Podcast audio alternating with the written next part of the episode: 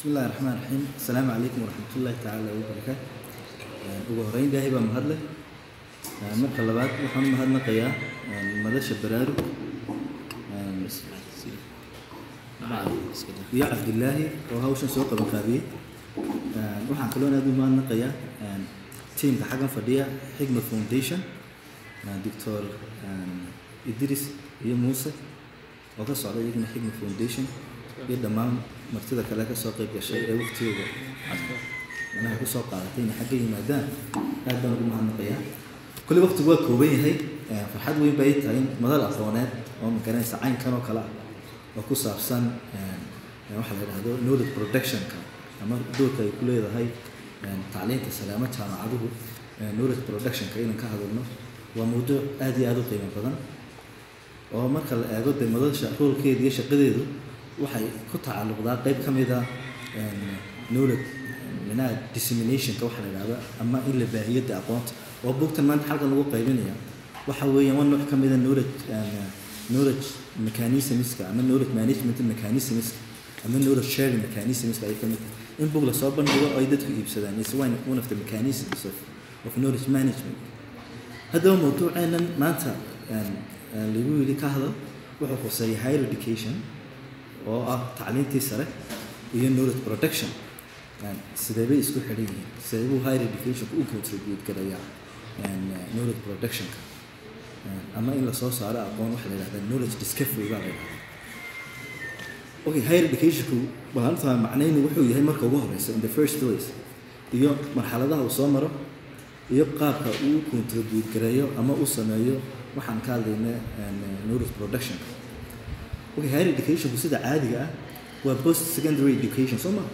Ya oo wixii ka dambeeya maxay? Secondary educationka ayaa la yidhahdaa maxay higher education? Dabcan markaynu ka hadlayno waynanu ka hadalnaa markaynu intaynu ka hadal knowledgeka productionka intaynu ka hadal waynu ka hadalnaa horta tacliinta sare maxay u kala baxdaa marxaladahay soo martay? Okay markaa sida caadiga marka technologyga laga hadlayo wax kasta marxaladuu soo mara soma bini aadamku soo mara marxalado dawayn waynu aragnay technologyga three g four g five g soo ma jiraan. Tacliintuna sidaas oo kale marka laga hadlayo higher education ka wuxuu leeyahay waxa la yidhaahdo generations university generations. Yaa jira okay marka first generation universities waa jaamacadihii bilaabmay kun iyo sagaal boqol. First generation universities. Micnaha si formula loo aasaasay waqtigaas waxaa la oranayay waa first generation universities oo waxay focus gareynayeen oo keliya waxbarashada education. Okay marka waxbarashada waa maxay? Waa teaching and learning oo keliya marka dadka waxbay berayeen teaching and learning marka goolka markaa jaamacadaha markaa loo aasaasay waxay ahaayeen to teach. Soo ma in waxbarashada in dadka wax la baro. Roolkoodu wuxuu ahaa markaa rool bay lahaayeen markaa ujeedadii iyo roolku way kala duwan yihiin ujeedadii jaamacadaha loo asaasayay in tacliinta la baro dadka bay ahayd okay ujeedo kale ayaa jirta oo la odhanayo waa roolkii waxbarashada ama higher educationku muxuu noqonayaa markaa ima waxaan ka hadlaynaa mawduuciina xagga dambe roolka ay ku leeyihiin jaamacaduhu knowledge productionka laakiinse waqtiga waxaa lagu dadaali jiray in dadka wax la baro. Education teaching and learning. Roolkuna wuxuu ahaa waxa la yidhaahdo knowledge protection. Sorry and protection of the throat. In la ilaaliyo cilmiga oo laga ilaaliyo maxaa hadanay food minaa wixii aan beena wixii cilmigii beenta ah. Inta la baaro la yidhahdo waxan waa been oo ma sugna oo scientific maaha laakiinse kana saxa oo jira. Minaha protection of the throat. Knowledge markaynu qeexayno cilmi marka la qeexayo knowledge wey soo ma okay marka la qeexayo cilmiga waxaa lagu tilmaanaa lagu tilmaamaa set of true beliefs that you believe it to be true. Waa set of true beliefs that you believe it to be true tusaale ahaan innagu waxaan garanaynaa oo oo cilmi inoo ah inay jirto maalin ay adduunyadu dhammaanayso soo ma? Waxaa ka mid ah wax kasta sida all human being are mortal soo ma? Dad bini-aadamka oo dhan uu dhimanayo is a knowledge is a thought soo ma? Oo wax aan isbedelin bay soo ma? Ya? Bini-aadamku uu dhimanaya is a knowledge. Okay markaa knowledge wuxuu leeyahay hierarchies oo macnaha wuxuu ka soo bilaabmaa macnaha information hierarchies marka laga sheekeynayo wuxuu ka soo bilaabmaa data. Oo macnaha empirical data ama in la ururiyo. Uh, maxaa information xogtaa laga soo saaray markaa aqoon. Okay marka data information and then we, we have the knowledge and then the highest level of knowledge is the wisdom. Wisdomku waa xagga ugu sarreeya cilmiga. Tusaale ahaan haddaynu soo qaadano qur'aankeena iyo axaadiista waxay noqonayaan wisdom. Waa the highest level of knowledge. Wada ma aqoon ka sareysaa jirta ma jirto soo ma okay marka aqoontu ama knowledgeku markuu gaaro xagga ugu sarreeya waa la xigtaa xigashadu waa maxay sidii loo yidhi kama bedeli kartid ima qur'aanka maad bedeli kartaa you can't isn't it? Right. So xadiiska ma bedeli ma bedeli karnaa ma bedeli karna laakiin sidii loo weriyey baa loo odhanaya soo ma qur'aanku sidii u soo degay ayaa loo odhanaya okay markaa markuu cilmigu gaaro wisdomka wuxuu leeyahy waxa la yidhaahdo verbatim macnaha waa la xigtaa oo wuxuu yaalaa qaabkii suugaan oo kale. Markaa taa micnaheedu waa maxay? Waxa loogu talagalay dadku intay xafidaan inay sideeda u yidhaahdaan okay waxaa ka mid a xigmadda xigmadahan caadiga ah ee dee soomaalidu ay isticmaasho nintaan qaada ximbo iskay. Soo ma yeah all these you know Somali proverbs in the literature are also wisdom one of the knowledge weeyaan marka knowledge marxaladaasuu soo maraa jaamacaduna waxay soo marayaan maxay iyaguna marxalada. Okay markay jaamacaduhu marxaladaha gaadhaan gaar ahaan kuwana ka hadli doono stage by stage kale ayuu u sii gudbiyaa inay jaamacadaha capacitygooda iyo roolkooda u kordho marka first generation universities waxay ku koobnayd knowledge transmission ama in dadka wax la baro teaching and learning nothing else.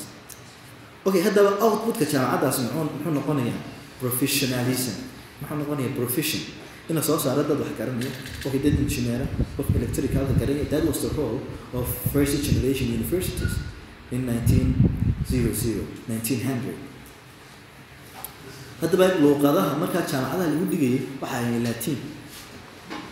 Yahay ancient time in a medium of instruction as universities waxay ahaayeen latin. Okay management structure-koodu waxaa la yidhahaa wuxuu ahaa qofka ugu sarreeya la odhanaya markaa chancellor and when you see in our context and also you know like you know the, uh, uh, African con context sometimes and then we see you know how much how far we are behind. Managementiga beriga kun sagaal boqol ama nineteen hundred ayaa waxaa la odhan jiray chancellor qofka jaamacadda maamula chancellor oo keliya okay marka markaad u fiirsato jaamacadaheena iyo contextkeena waxaa la odhanayaa chancellor marka waxaad garanaysaa generationka jaamacadaheena ay yihiin dee ya? Inay first generationkii aynanu sooba gaadhin qaarkoodna de wadamadan magaranaysa la ixtiraafsan yahay. Ee ku yaalla third world countrieska waxaa laga yaabaa in jaamacadooda haddaad baadho chancellor keliya ugu qoran yahay management teamka. And then that is an indication how far you know developed countries universitieskogu ay behind yihiin. Ayna contribution badan ku sameynayn knowledge production. And second generation universities waxay bilaabeen marka waa 1930 to 1950 education and research. Waxay la soo ergaleen madaxa in la sameeyo research. And that was basically maxaa an, an academic or basic research. Oo ardayda loo diro la supervise gareeyo you know you know you see that the roles of universities are changing as we move forward. And markaa roolkoogu muxuu ahaa cognition in nature cognitive development. In qofka garaadkiisa iyo capacitygiisa ayaa ahayd la kordhiyey marka qofku noqdo qof wax soo saaraya cognition cognitive mental ability critical thinking.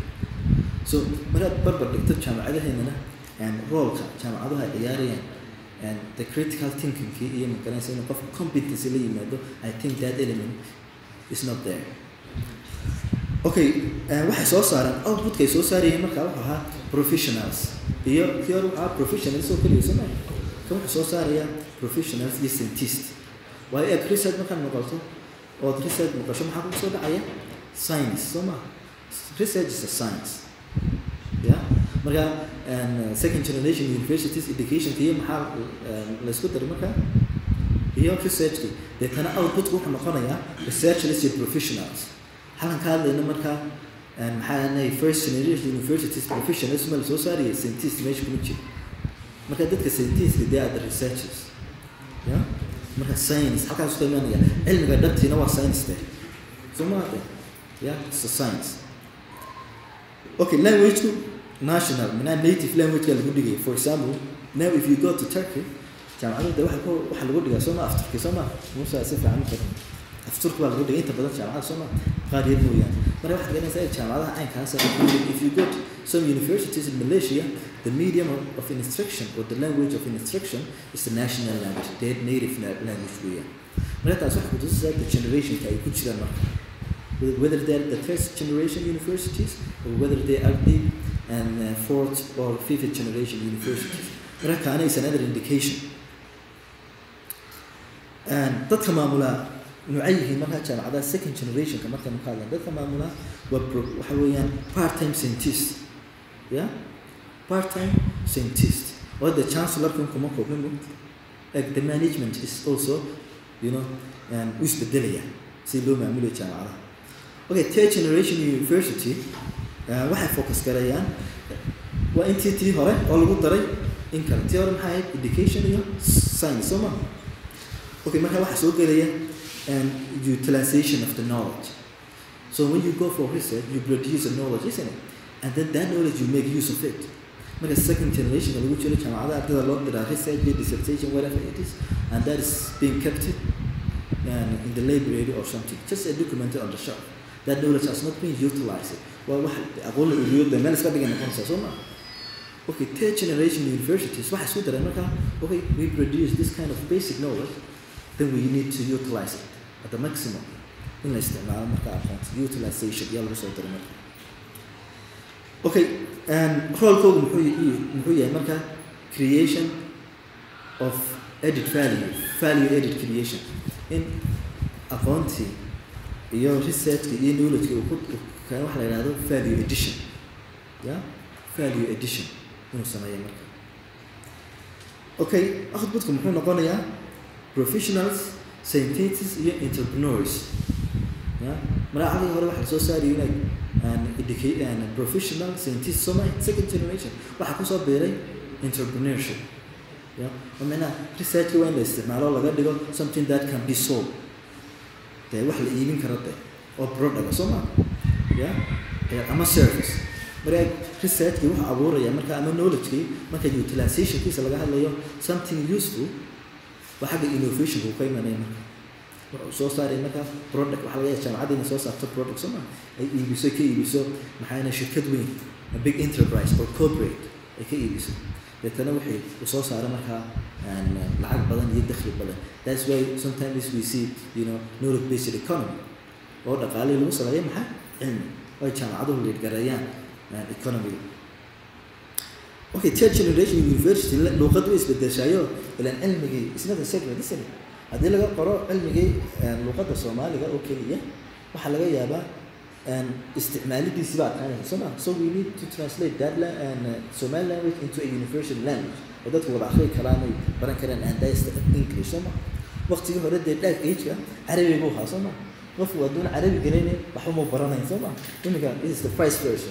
And when you see if you English haddana si fiican u garanayn waxaas buuta ku qoran oo dhan. Intooda badan ee dee jaamacadaha khuseeya English buu ku qoran soo ma whether it is accounting or science or medicine English buu ku qoran yahay. marka haddaan luuqadii caalamigii iyo aqoonta lagu abuurayay ee lagu baahinay haddaan garanayn ee maxaanay isticmaali kari maysid oo ka faa'iidaysan kari maysid oo u taala soo ma maxaanay cilmigii? Okay management teamku waxa weeyaan professionals. Iyo management. Dad managers managementka loo tababaro ayaa markaa ka shaqeynaya. C e os loo tababaray inay noqdaan. Strategies ayaa ka shaqeynaya markaa jaamacadaha. Jaamacadu they are shifting okay and fourth generation universities. Markaad aragto and iyaga goolkoodu waa maxay? Waa education research knowledge no- and uti- and utilization of knowledge and proactive of economic development. Inay noqdaan jaamacadu proactive economic development iyagu dhaqaalihi iyo economiga la jireen because they produce that knowledge and when you use that knowledge at the maximum wuxuu saameyn kula yeelanaya maxay dhaqaalihii iyo developmentkii buu saameyn kula yeelanaya marka economic growth and economic development is different. kuwa dee dhaqaalaha garan dhigtay ama social science dhigtay way fahmayaan soo economic growth lagama hadlayo haddii jaamacad iyo waxbarasho laga hadlayo development markaa economic development that is you know developing human capacity. Yeah? Intellectual capital. ayaa la dhisaya marka that is the development. oo qofkana soo saaraya markaa maxay cilmi iyo iyo aqoon la iibgeeyo oo oo abuurta maxay de horumarka keenta marka so that is goes to and uh, human development index or human innovation index it is all about the knowledge scientific knowledge. Outputku muxuu noqonaya kuwa marka professionalism scientists and entrepreneurs competitive local economy marka waddankan dhaqaalihiisu wuxuu noqonayaa very competitive. Sababtoo ah cilmiga ayaa ayaa sameeyey wax la yidhahdo value creation. Imika haddaan soo qaadano waddankeena oo kale xoolaha markaynu ka hadlayno so wax dhaqaali ku xidhan yahay soo maa okay laakiinse value addition ma laha neefkiyo nool baa laakiinse haddii value addition capacityga waddanku leeyahay jaamacadu leeyihiin inta value addition la sameeyo oo process la geliyo. Ayuu neefkii la siinayay ama konton doolar noqonaya wuxuu noqonayaa wax ku dhow kun doolar soo maa and that is what developmentkii marka. Yeah? Haddaba jaamacadahaasi four generation universities multilingual ayay ku hadlaan. Luuqado badan ayaa laga isticmaala waxa laga isticmaalaa eg sababtoo ah markaan ka hadlayno developmentkii masnot waa inayna compromise? Gareyn local contextka as well isn't it okay marka jaamacadu markay halkaa gaadhaan waxay isticmaalaan luuqadoodii oo maxaa hadanay qiimo leh? Iminka turkiga oo kale dee adduunyada wuxuu ka taagan yahay marka laga hadlayo horumarka meel sare soo maa okay marka capacity wuxuu leeyahay luuqadiisii uu dadka ku gaarsiiyo una ku ilaashado dee soo maa waxaa laga yaaba luuqadiisa inta ku hadashaa kuma inay aada u fara badan tahay soo maa ay ka badan tahay waddamada carabta oo la isku daray qaarka dee suuragal. Ya marka markaad aragto eastern europe turkey is dominated because of the language. Deetana sababtaasuu imiga luuqadoodiina waxbaa lagu baraa. Dadka sababtaa uma baahna dee luuqada ajnabiga they already created their own knowledge isn't it? Ya cilmigoogii bay abuurteen marka kuma tiirsana in badan maxaa nay outsourcing. In badan ma sameeyaan. They develop their own knowledge. Deetana luuqadoodii qiimay leedahay. Cilmigoogii bay ku bareen cilmigii bay ku soo saarayaan. Deetana laakiinse si ay international standardska iyo contextka ula xidhmaan waa in luuqada english ay mar kastaba noqotaa maxaa nay mid ku jirta dee meesha imika china oo kale miisaaniyadda ku bixiyo englishku waa konton milyan sannadkii fifty million per year. Waa waa english. Marka qiimaha haddaad ardaytiin ood wax ardaynimada lagama weynaado mogta ya? Long life learning baa jirta soo ma?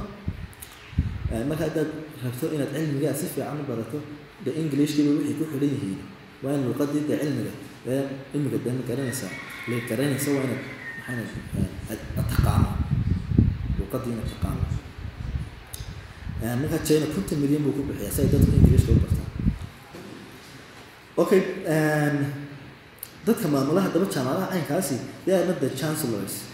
They are professional managers. Iyo local experts. Like local experts. Iyo maxay professional managers okay haddaba waxaan u imanaynaa tan la odhanayo xagga imika loo socdaa eg jaamacadu waxay u socdaan waxa la yidhaahdo fifth generation maxaa nay university ayaa jira. This this the emerging universities. Xaggan imika loo tartamaya trendku isbedelaya marka jaamacadahaas maxay kaga duwan yahay kuwa kale waxay la shaqeeyaan cooperativeska high tech industrieska la shaqeeyaan. Kuwaas waxay la shaqeeyaan maxay cooperativeska high tech industries. So for example if you go silicon valley markaynu aragno maraykanka hartford baa ku taala. Waxaa la waxa innovation ka shaqeeya. Hisbak iyo maxaa wax ku soo kordhay oo si fiican u garanay waxaa la waxa innovation ka shaqeeya iyo technology. Whether it is microsoft whether it is apple whether it is samsung the headquarters at silicon valley. Do you know what? Because they are and, uh, and utilizing the knowledge jaamacadda mit iyo hartford iyo jaamacadaas knowledge baa la isticmaalaya and then maxaa la samaynayaa? Transformation of the knowledge. Knowledge baa dela bedelayayo waxa laga dhigaya telephone iphone device dawo ama de wax qaaliya oo oo small ah laakiinse de qaaliya oo dhaqaale badan maraykanka soo gelinaya so this is the innovation. Okay haddaba sidaabay isugu xidhan yihiin ayaynu u geli doonaa. Waxaan ka hadlaynay imiga de jaamacaddu haddaan idhaahno jaamacaddu roolkaasay ku leeyihiin waxbarashada ama sorry knowledge productionka wayna faahno jaamacadaha caynkeeya iyo marxaladahay soo mareen iyo siday roolka uga yeelanayaan marka marka marxaladaha la gaaro ee ugu yaraan aad timaado third generation university ayay jaamacaduhu qaadan karaan roolka ay soo ay soo saari karaan aqoon. Waa third generation? Mar hadda u fiirsato wadamadan afrikaanka under developed countries developing countries innaga hadalkeena badda they are far behind. Second generation kiiba lama soo gaarin maxaa la soo haystaa is this the, uh, the first generation university? Marka marka hore ismaan garanaynaaba generation iska jaamacadda. Do we really know about it? Ya marka markaad innaga inoo eegto iyada wadamadan inagu hareereysan waxaa laga yaabaa in first generation kii wax ka dhiman yahay ayna dee sooba gaadhinba soo ma deetana taas waxay koosgaraynaysaa inay jaamacaduhu research capacity dee maba lahaba waa arki mise soo maanta jaamacado research sameynayo buu qoriyo maxaana publication soo bandhigay? Hadday jiraanna dee aad bay u yartahay ma maba jiraanba way this an indication inayna soo soconno ama aynanu soo gaadhinba first generation. Marka ay waxaasoo dhan baa jira moogta ya ya and that's not easy to, to catch up. So ma ya. Okay fifth generation university haddaan ku celiyo high tech industrieska la shaqeeya corporateska la shaqeeya researcherska all these things they are working, together. Waxaa la yidhahdaa marka institutional ecosystem. Researchers scientists corporate business sector and the education system together they collaborate isn't it? Yeah they collaborate and they have a synergy. So collaboration kan maxaa la yidhahdaa marka? Waxaa la yidhahdaa institutional ecosystem. Sida xayawaankuba iyo dhirta iyo xayawaanka iyo iyo kanaacada iyo jinaca waxaan oo dhan marka la isku wada darada ecosystem bay sameeyeen soo maa midba midka kale ku tiirsan yahay soo ma hadda okay institutionskani they are like that. So the input and I mean the output from a university could be an input of a corporate isn't it? Waayo cilmiga soo saartay? Waa output soo maayo dadkii soo saartay muuna output ahayn. Wuxuu noqonayaa outputkaad soo saartay maybe input buu noqonayaa maxaa? Maxaa industry ama corporate ama sector ka mida dhaqaalihi soo maa and they are waxaa leeyahay waxa la yidhahdo academic freedom. Ama waxa la odhanaya jaamacadda tigi moogta waxaa dadka ka haysta ma garanaysaa. And professional lecturer let's say waxa laga odhanaya if you are lecturer at this university you are not supposed to go other universities. So that's the limitation. Ecosystem kii baa lala dagaalamaya innaga ina sameeyo moogta arooda jaamacadda ku tegi kartid ee jaamacadda macalin ka tahay. So you see yeah. Yeah. Marka de marka inagu ma soo dhawey marka inaan fahanaan ka wadaa marka inaka lainooga baahan yahay. Maxaa inay dhalinyarta iyo dee macalimiinta iyo mutacalimiinta halkan fadhida inaka lainooga baahan yahay think saa in loo fikiro oo la isaago xagga la taagan yahay iyo ma garanaysaa xagga loo socdo. Taas waa iga okay hanu nimaadno haddaba knowledgeka iyo sida loo maamulo da iyo sida loo soo socdo. Markaynu ka hadlayno okay knowledge production an waxaan isticmaalayaa knowledge discovery knowledge discovery waa maxay waa iska knowledge production. Laakiin se intaan aqoonta la soo saarin discoverygi baa ka horreeya soo ma we need to discover productionka maxaa ka horeynaya discovery knowledge discovery. Knowledge discovery waa maxay waa maxay gaab baa jirayda aqoonta aqoonta research baa la sameynaya nin ka hadlayna research waxaa soo maa scientific research innovation and all these things okay gaab baa jiraya marka knowledge discovery oo ku taxaquuqa okay cilmiga waka so particular domain particular knowledge domain waxaa ka jira gaabteed so there is a limitation. Deetana research baa la sameynayaa research and development r and d baa la yidhaha marka laga shekeynayo maxaa higher education system marka laga shekeynayo waxaa la yidhahdaa r and d deetana gaabka marka la soo saarayo cilmiga aad dhiman ilan cilmiga waxay soo degayaa ma jiro mogta so we need to discover a knowledge so knowledge kaan discover garaynaa waa maxay? A new knowledge something that has not been articulated before. Wax dee aan hodro looga hadlo ya ayaa la soo saaraya okay marka la soo saaro maxaa la sameynaya marka? Translation of that knowledge. Waxaa laga yaabaa in lagu qoraya farjayno moogtay ama symbols yahay calaamado ama all other different language. So we need to translate that knowledge. Lagu turjumo markaa luuqad markaa jaamacada waxay ku turjumayaan researcherski luuqad la fahmi kale wax la yidhahda translation of knowledge so when is you translate that knowledge? Waxaad samaynaysaa transmission. Yaa ku xigaya de in cilmigii la baahiyo. Ama announcing ha la geliyo soo ma? Ama ma garanaysaa jaamacada laga dhigo? Ama sida maxaa la yidhaha baraarug xaggaha la soo dhigo? So this is the most transmission. Cilmigii haddaba marka saa loo soo saaro cilmiga waxaa lagu sameynaya markaa markaan ka hadlayno utilizationkiisa transformation. Cilmigii la soo saaray we need to transform. Ama dawo. Uu noqonaya soo ma? Ya ama nuclear bomb uu noqonaya mogta nuclear bomb uu noqonaya. Ama wuxuu noqonaya iphone something you know very smart isn't it? Okay marka haddaba aad halkaa eegto maxaa yeelay knowledge-kii sidaasaa ay jaamacadu soo saarayaan knowledge management iguna waa maxay? Waa waa knowledge creation in the first place in aqoontii la abuuro. Knowledge and dissemination ama knowledge sharing ya iyo cilmigii in lagu sameeyo maxay? Transformation. Haddaba cilmiga guud ahaan laba u qaybsamaayo inaga mashaakilkeena haysta. Wuxuu qaybsamaa laba moogta waa tacit knowledge iyo maxay? Explicit knowledge. Iyagu tacit knowledge waa cilmiga soomaalida maskaxda ku haysatay la dhintaan moogta iyo waxbaba qorinba moogta ya qofkii waxba baranaya maxaanay ama dee ilaahay baa ku il- ilhaamiyey dee soo ma aqoon acknowledge and education is different. So ma education waa schooling is confined to academic premises isn't it? So knowledge without borders. Yeah markasaad ka baran kartaa experience knowledge something that you have learned through your experience is knowledge. So ma wax uu qofka kula sheergareeyay is knowledge.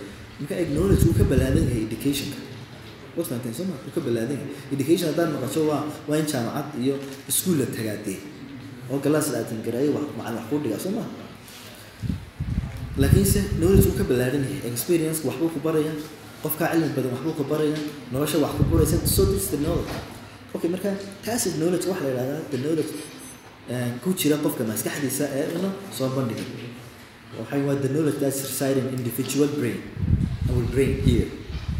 Ya hadduu cilmiga kugu jira eed ka hadlayso aanad maxaa aanad qorin aanad documented-ka ahayn waxaa la yidhahdaa tacit knowledge. Waa cilmiga maskaxdaada ku jira eedadna masaajidka aad la soo fadhiisato adigaan qorin oon si kale u baahin ama aad galaas u dhigayso ama aad khudbadad u jeedinayso ama aad garanayso ama aad ku gabayso ama aad ku geeraarayso ise tacit knowledge. Adho haddaad dhimatona dee waad dhimatay soo ya wixii waad dhimatay. Wade lagaama reebin? So marka conceptka knowledge management deetana markaasuu yuu de soo baxay oo uu jiri jiray. Marka laga hadlayo nabiga calayhi salaatu wasalaam markuu qur'aanka ku soo degay ya dee waa la qoriyay soo ma? Waayo haddii aan la qori lahayn qur'aanku nama soo gaadhin de simple so this kind of knowledge marka marka waxyiga lagu soo dejinay nebiga calayhi salaatu wasalaam eh, uu isaguna garanayo waa tacit knowledge ku noqonaya. Markii marka dee la qoro ee kitaab laga dhigay waa maxay? Waa explicit marka knowledge management qiimaha uu waxa weeye qur'aanka iyo xa- axaadiista iyo islaamnimadu waxay nagu soo gaadhay through knowledge management mechanisms. Ya iyo nagu soo gaadhaysay soo ma? Waa la qoray. Okay haddaba explicit knowledge waxaa la yidhahdaa knowledge that has been documented.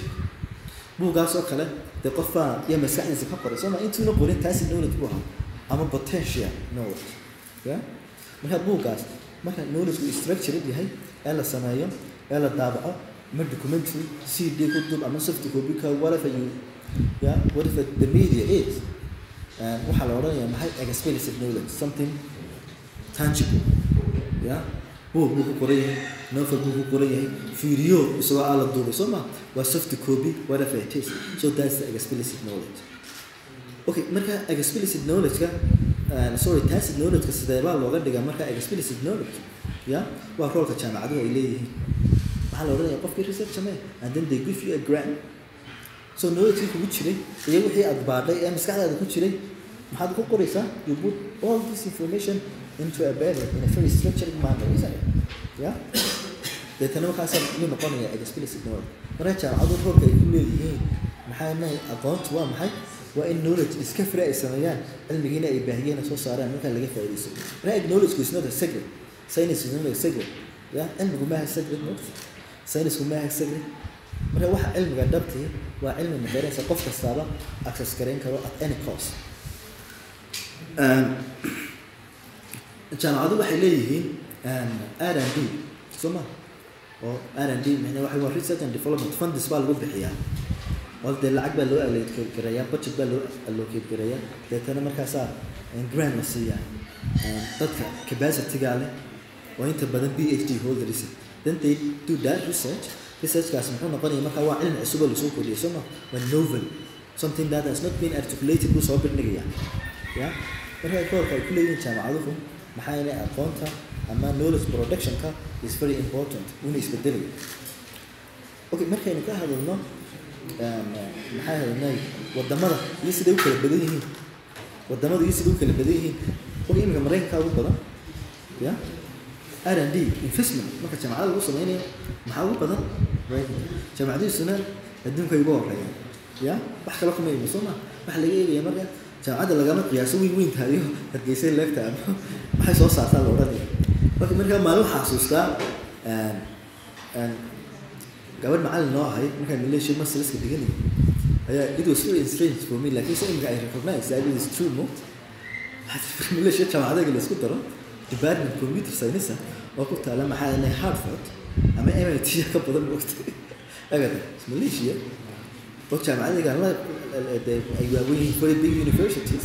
Uguma qiimeynayo ranking ya uguma qiimeynayo jaamacad weyn weyn tahay qurux badan tahay moogta okay waxaa lagu qiimeynayaa what does the university contribute to a particular knowledge domain? Marka jaamacadii malaysia isku wada dar ya across all levels department yaro computer science oo ku taala MIT ama Manchester University ayaa wixii oo dhan marka lasu wada geeyey ka badatay shan jeer. Mina wax lala yaabaa ya marka jaamacadaha halkan lagu qiimeynaya. Isna maxay intaasoo building bay leedahay intaasoo maxbay leedahay. Ya that's why. Waxaa kalena maaha waxa weeyaan maxay nahay budget baa lagu bixinaya. Deetana return on investment baa jira lacagtan la geliyey marka knowledge production la soo saaray aqoontii inta laga laga faa'iideysto ayaa la iibgeeya dee soo ma ama waa loo doontaa oo qofka doonaya inuu Harvard dhigto waxaa laga yaabaa.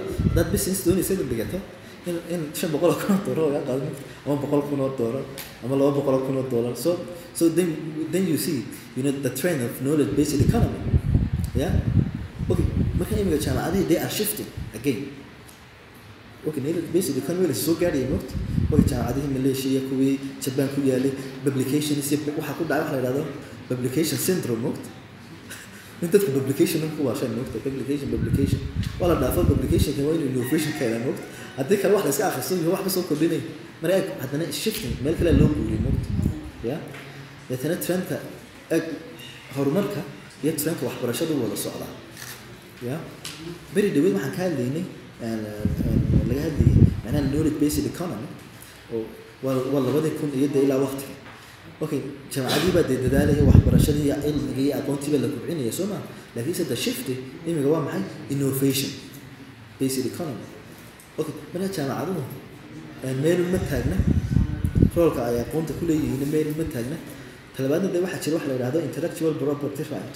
Innaga dee kenis waxba ma jiraan oo qof baa intuu wax iska soo koobiyey iska soo bandhigaya. Okay laakiin se waa la ilaaliya waxa la yidhahdo intellectual maxaa nahay ip soo ma intellectual property rights baa jira. Marka waa taan kaa dhignan lahaa first generation university waxay ku dadaali jiray intellectual property rights. Waxa weeye waa nineteen hundred. Ya ayaa la yidhi okay. Cilmiga dhabta ah waa in la ilaaliyo. Is to be protected the truth. Ya marka waxaa laga yaabaa maxaa nahay markaan inagu isbarbar dhigno okay markaan inagu isbarbar dhigno dee xalka laga yimiday dee qaabka loo socdo so so dee gaab weyn baa jira dee soo ma gaabkaa weyn wuxuu waxaa laga baxayaa marka lala yimaado competitiveness? Marka lala yimaado iyo iyo iyo iyo ma garanaysa in la fahmo cilmiga adduunyada iyo jaamacadaha adduunyada soo shaqeeyeen ya laakiin se waad arkaysaa guryaha inta lagu yaa la karisanay jaacada lagu baray galaasa la dhigaya deetana tenta wiilkii baa loo baraya markaa knowledge production waxbuu ka imanaya marka jaamacadaha waaweyn marka la tago macalinkan markaa marka ka soo baxo baska soo raacaya ma gaariga soo kaxaysanaya maaha wuxuu leeyahay wake station grand baa la siiyey maxaa nay waxa lagu yidhi cilmi iyo aqoon cusub soo saar. Deetana cilmigan iyo aqoontan cusub ma dayacmaysa dhaqaale jaamacadda soo gelinaysaa okay marka waxaan xasuustaa ani waqtigan malaysia tegay jaamacaddan dhiganayay UTM baa la yidhahdaa winners biggest universities maxaa malaysia ku yaalla wey marka anigu tegay waxa ahayd university baa hidmoogta waxaa soo socotay first generation bay ku jirtay markaa semester dhigto ayaa la siiyey certification certificationkii la yidhaahdo research university. Markaasaa dee boorad waaweyn meesha lagu qoray okay research university maanta maxaa isbedelay moogta jaamacaddii baa yaa noqotay certified. Markaa iskama qaadanayso moogta khubaraa imanaysa waa la qiimeynayaa deetana waxaa la eegaya knowledge productionkii imise b h d baa jira imise professor baad haysataan imise lab baad haysataan imise publication baad soo saarteen imise grant baad bixiseen imise book bay professorada qoreen deetana mararka qaarkood waxaad arkaysaa koriskii lai dhigi aan dhiganayo macallinkii qoray baa xagga joogaa macallinkii qoray yaa kuu dhigay buuggiisii marka deetana markaasaa la siinayaa jaamacaddii research university imiga intaan imiga aan b h da ka dhiganayay trendka jaamacadu isbedelayo aan waxaan ka tegay markaa for example entrepreneurial university ina jaamacaddu noqoto entrepreneurial. Oo imiga cooperatiskii bay la shaqeeyaan. Waxay imanaysa jaamacaddii maxaa nahay h p amonson samsung whatever it is. Markaa cilmigii iyo dadkii professionals bay soo saareen. Iyo dadkii baa la kala guranaya la kala googaya markaa ku sen maaha c v on meel la taaganya moogta markaa c v gudbadsadana dhanka kale la akhriyaya ma it's not like that. It's all about you know competitive advantage moogta v inaga marka lagaa qaado caadi loo akriyo marka degto halkana la akhriyaya moogta laakiin jaamacaddu waxay soo bandhigaysaa markaa capacity ardaydii waxay sameeyeen ku roobad sameeya ku sameeya maxaa inay kamarad ku sameeya maxaa hadanay mashiin kale ku sameeya drones. Waxaasoo dhan baa la soo bandhiganaya waxaa imanaya warshadihii droneka sameynaya kuwii roboticska imanaya kuwii multimedia imanaya deetana they selected the best ya? Marka marka ay taasoo kale is one of the you know indications of fifth generation industry in maxaa inay cooperativeska iyo ma garanaysaa jaamacaduhu wada shaqeeyaan okay marka roolka ay ku leeyihiin maxaa jaamacaduhu knowledge productionka uu badan yahay. Oo dee ma garanaysaa beebaro badan baa laga qoray buug baa laga qoray. Xagga haddaan caawo dhan dee ka hadalno ma soo koobi karno. Laakiinse muhiimaddu waa maxay? Jaamacadda marka ugu horeysa la aasaasayo waxbarasha loo aasaasay in the first place. Laakiinse baahidii dadka iyo adduunka iyo siduu u socdo ayaa waxay ku leedahay saameyn in jaamacaduhu shiftin sameeyaan ay dadka ka joogaan baahidooda. Imiga jaamacaduhu they are also again shifting waxaa jira conceptiskan iminka la yidhaahdo oon anu dabcan aan wax ka bartay oo ku saabsan higher educationka iyo sideebaa la isku wax la yidhahdo sustainable development. Oo marka waxaad arkaysaa iminka jaamacada isloominkooga transforming university for sustainability ama higher education for sustainable development. Marka waa level kale oo ay jaamacaduhu qaadanayaan marka. Waxaana wuxuu ku saabsan yihiin aqoontii iyo maganaha jaamacaddu siday capacity u leedahay. Dhanka kale markaad eegto magaalooyinkii baa imika isbedelaya moogta oo waxaad maqlaysaa smart city. Guwanzuu oo kale china ku taala is one of the smartest city on earth. Waxaa ku nool afar iyo labaatan dhalinyaro ah. Wabad waxa wey magaalada adduunka ugu dhalinyarta badan maxay ugu dhalinyar barteen? Sababta dhalinyartu they are waxayna waxay ku soo dhasheen the technology-ga soo ma? Deetana innovation iyo waxaan oo dhan bay la socdaan. Deetana they are they live smart they are thinking smart and then they are working smart. Magaaladooda bay qurxisteen mogta ay ka dhigeen very smart ya marka ag trankuna wuu isbedelaya. Waxa ag magaalooyinkii waxay noqonaya smart because of the knowledge production of higher universities. And work stationki wuxuu noqonaya smart sababto ah the knowledge production of the universities. And sidii loo fekerayay smart bay noqonaysa ninka waxaan isbarbar dhigaa smart thinking iyo productivity mogta ama waxa la yidhahdo labor i'm sorry labor iyo productivity. Afrikaanka o dhan ka la isu geeyey kuwa aadka u shaqeeya intay aad aad u shaqeeyeen haddana productivity is negligible. Ya? Marka laga hadlaya laakiinse technology iyo innovation okay less labor dadkii shaqo aadaba ma qabanayaan mo. Laakiinse maxay gaadhayaan high achievement wax weyn bay sameynayaan dhaqaale weyn bay haddana abuurayaan iyagoo aan ma garanaysa aan wax badanba ishawlin aan dhididin moogta inagu jarifadaad qaadanaysa wad diidaysaan xoolihii baa la raacaya and then again you know it's not significant. Okay markaa inagoo xiirnay all our efforts waxba ma soo saaraya haddana. Haddii aan magaranaysa ina jirin intellectual capacity hadduuna waddanku lahayn ayna jaamacado lahayn oo dadkay wax barayaan wayna noqdaan professional soo ma wax soo saaro dadka wax contribute garay. Innagana levelka la taagan yahay. So when you see um, outputka ka soo baxa jaamacada waa qof shaqo tegi kari laba soo ma true? Ya qofan shaqo tegi karinba laakiin si marka waxa loo fikiraya waxay yidhahan jaamacaduhu okay dowladdii dowladdii bay culeys ka qaadeen waxay yidhahan dadkaan soo saaraynaa wayna noqdaan job creators rather than job seekers moogta ya oo qof kasta oo maanta innovation sameeya jaamacad buu dhigan yahay dee soo ma haddaad microsoft soo qaadato billkeed haddaad soo qaadato steve jobs haddaad soo qaadato okay jaamacaday dhiganayeen ama ha dhamaystaan ama dhamaysanin soo ma okay dadkan kale innovationkii waxaan o dhan soo saaray jaamacaday ka yimaadeen. Marka they are the job creators not the job seekers. Marka dee roolkii bay isbedelayeen jaamacadaha inagana inagana waxaa la soo saarayaa kuwo aan aad loo shaqo tegay soo ma oo macnaa skillkii professionkii baa ina inaga dhigan marka first generation universitygii baa inagu mayna soo gelin mayna soo gaarin uma soo dhowin. Not only you know Somali countries but also the other countries. If you go and other universities nearby waxay waxaad arkaysaa inay levelka soo socdaan? Ama ay soo gaarin so markaa trendka inoo dhexeeya inamaan soo gaarin first generation universities iyo dee ma garanaysaa fifth generation universities this this huge gap. Soo ma yaa jira dee. Okay marka waxbarashada sare waxay soo saartaa professionalskii scientist kuna soo saara markaa researchka oo aqoon abuura oo wax cilmi soo bandhiga oo buugtan qora. Waxa waxa ku qoran dad jaamacad ka soo baxay oo dhigtay baa yaa dee qoray ma? Why our universities are not that productive? So there are some limitations. Maybe taas waxay ka iman doontaa su'aalaha. Magaranaysa isweydaarsano anigii ay ka jawaabaan. Dad kale oo aniga magaranaysa iga aqoon badan. Maxaa oo iga siiniyeysan victor idris oo kale waxaa ka fadhiya iskaabinaya muuse oo isaguna aada waxbarashada ugu soo jiray i think intaasan baan ku soo gabagabeynayaa waqtigaa inagu kooban.